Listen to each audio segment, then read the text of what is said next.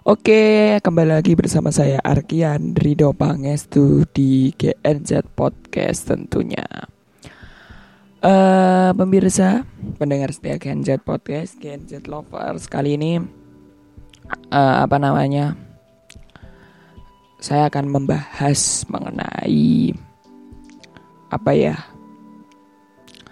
Ya tingkat kriminalitas. Nah, ini yang menjadi sorotan publik saat ini selain virus corona gitu ya. Karena apa? Karena gini loh, apa namanya? Kabarnya ketika beberapa minggu yang lalu ketika virus corona ini merajalela atau meng eh, pokoknya banyak semakin banyak semakin banyak dan eh, ribuan napi itu dibebaskan. Nah, ini kita belum tahu apa ya tujuan dari ini semua gitu. Saya juga heran gitu. Tapi ini juga ada kabarnya kalau uh, ini datang dari uh, beberapa hari lalu. Kalau kabarnya beredar 2800 napi di Cibinong dibebaskan gitu. Katanya ini juga hoax gitu. Dan ini juga belum di apa namanya belum pasti benar atau hoaxnya itu juga belum pasti gitu.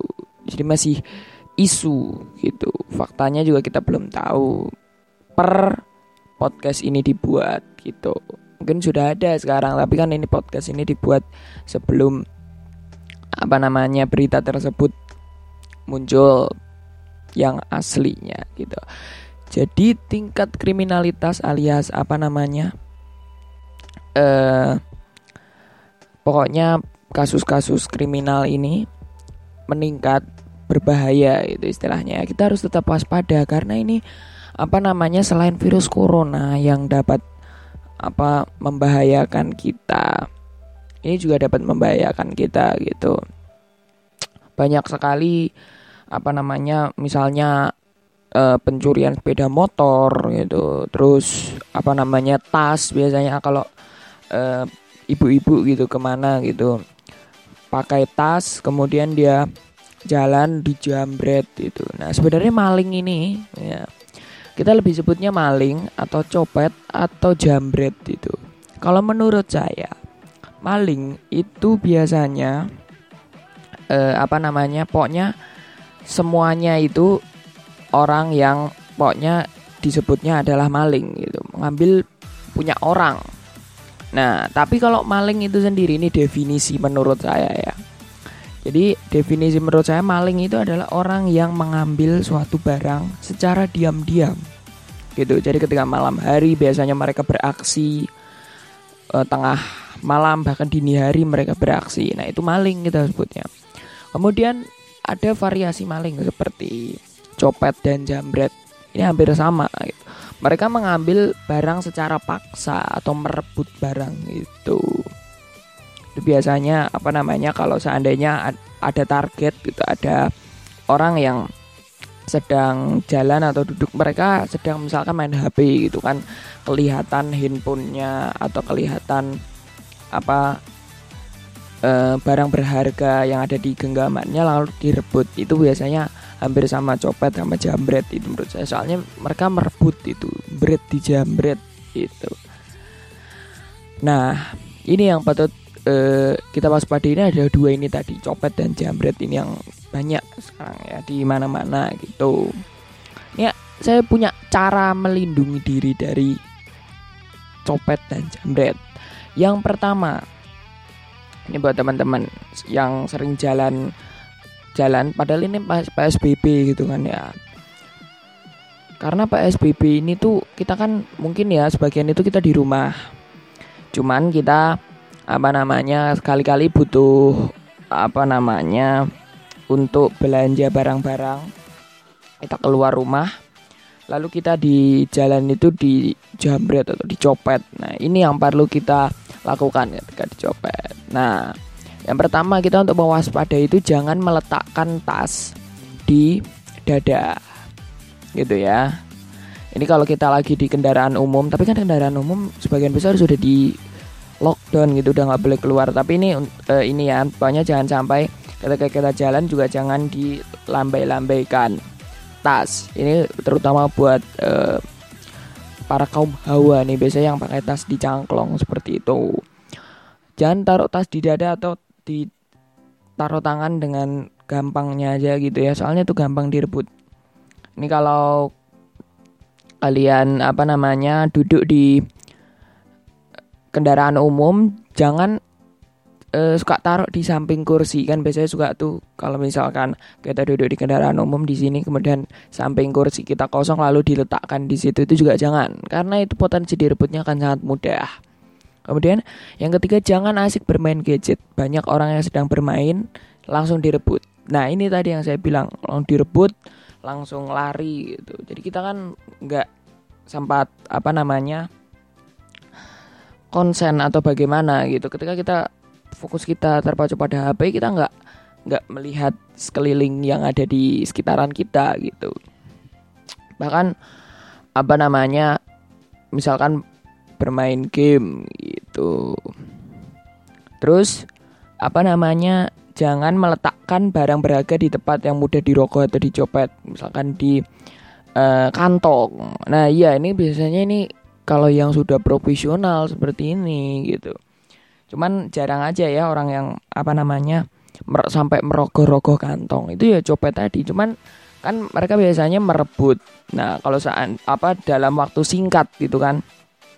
Misalkan apa namanya target ada di sini dalam waktu 5 detik dia akan merebut nggak nyampe 5 detik sebenarnya hanya sekilas dia apa mengambil barang lalu udah ada di genggamannya lalu dia biasanya kabur pakai motor atau lari itu akan cepat gitu. Jadi respon kita kan refleks kita gitu. Jangan sampai apa namanya barang itu ada di tangan dia, makanya kita refleks itu. Tapi kalau yang misalkan merogoh-rogoh kantong atau apalah itu, biasanya kan orang yang dirogoh itu ini sadar dulu. Jadi jadi copet dan jambret itu jarang melakukan seperti itu. Jadi itu suatu susah. Atau kecuali mereka pakai uh, konon katanya dalam tanda kutip mereka pakai ini semacam yang di hipnotis hipnotis itu itu juga berbahaya tapi itu sudah jarang gitu. semoga tidak ada ter terjadi seperti itu kembali gitu terus uh, yang paling utama ini adalah trik untuk membela diri kita gitu. ketika kita dicopet bahkan dijamret oleh uh, para penjahat gitu ya karena kita juga uh, harus curiga dan waspada setiap saat kita harus tetap waspada walaupun kita sekalipun di tempat aman gitu ketika ada orang yang kelihatan yang ngelirik-ngelirik kita itu sudah cukup kita artinya itu sudah diingatkan dua kali gitu bahwa kita harus tidak melakukan apa namanya seakan-akan kita memamerkan seakan-akan kita mempersilahkan para penjahat itu untuk mengambil gitu kalau kita mengeluarkan gitu. ini patut di waspadai ini ya merajalela soalnya ini ada di mana-mana ini kasus seperti ini. Nah, terus apa namanya kita harus membela diri tadi sudah saya bilang intinya jangan sampai kita pasrah. Kalau biasanya kalau yang dengan cara teriak itu sebenarnya kurang efisien gitu ya. Soalnya kalau cuman teriak doang itu dia masih bisa kabur ke mana gitu misalkan apa namanya eh, copet-copet itu kan mereka mengambil barang yang berharga gitu. Misalkan tas itulah ya ada kata tas yang diambil dan dia langsung membelanjakan seluruh isi tas. Misalkan ada uangnya ada perhiasannya itu langsung dibelanjakan dia. Walaupun kita lapor polisi itu akan menghilangkan barang bukti yang ada. Jadi itu tidak akan kembali. Hanya para penjahat tersebut uh, hukuman mereka di penjara gitu kan. Tapi uang kita perhiasan itu nggak akan kembali gitu. Uh, andai kata kembali juga itu mesti dalam waktu yang lama. Soalnya dalam posisi ini kan para penjahat dan copet itu mereka tidak memiliki uang. Lalu mereka mengambil gitu.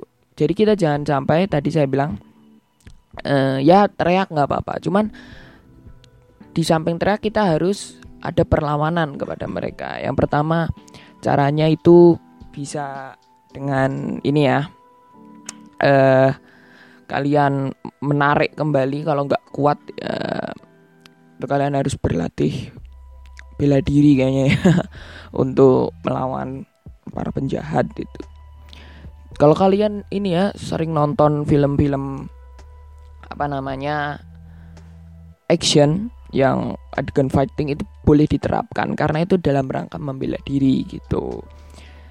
Kalau apa namanya setidaknya tidak bisa ya kan mesti banyak orang di sekitar yang membantu kita gitu. Karena kita walaupun kita dalam kondisi seperti ini kita tetap harus bergotong royong gitu. Ketika ada orang yang uh, dapat kejadian seperti itu atau apa barang-barangnya dicopet atau dijambret gitu ya kita harus membantu gitu kan. Kita bisa karena bersama-sama. Apalagi biasanya e, copet itu kan mengincar orang-orang yang lemah seperti wanita dan orang tua gitu, gitu mereka diambil dicopet itu begal. Kita sebutnya ada begal juga ya. Kalau begal itu biasanya motor. Ya kayak gitulah. Banyak sekali variasinya. Nyebutnya itu sampai begal copet maling jambret dan lain sebagainya. Itu pokoknya semuanya berbahaya harus tetap waspada gitu.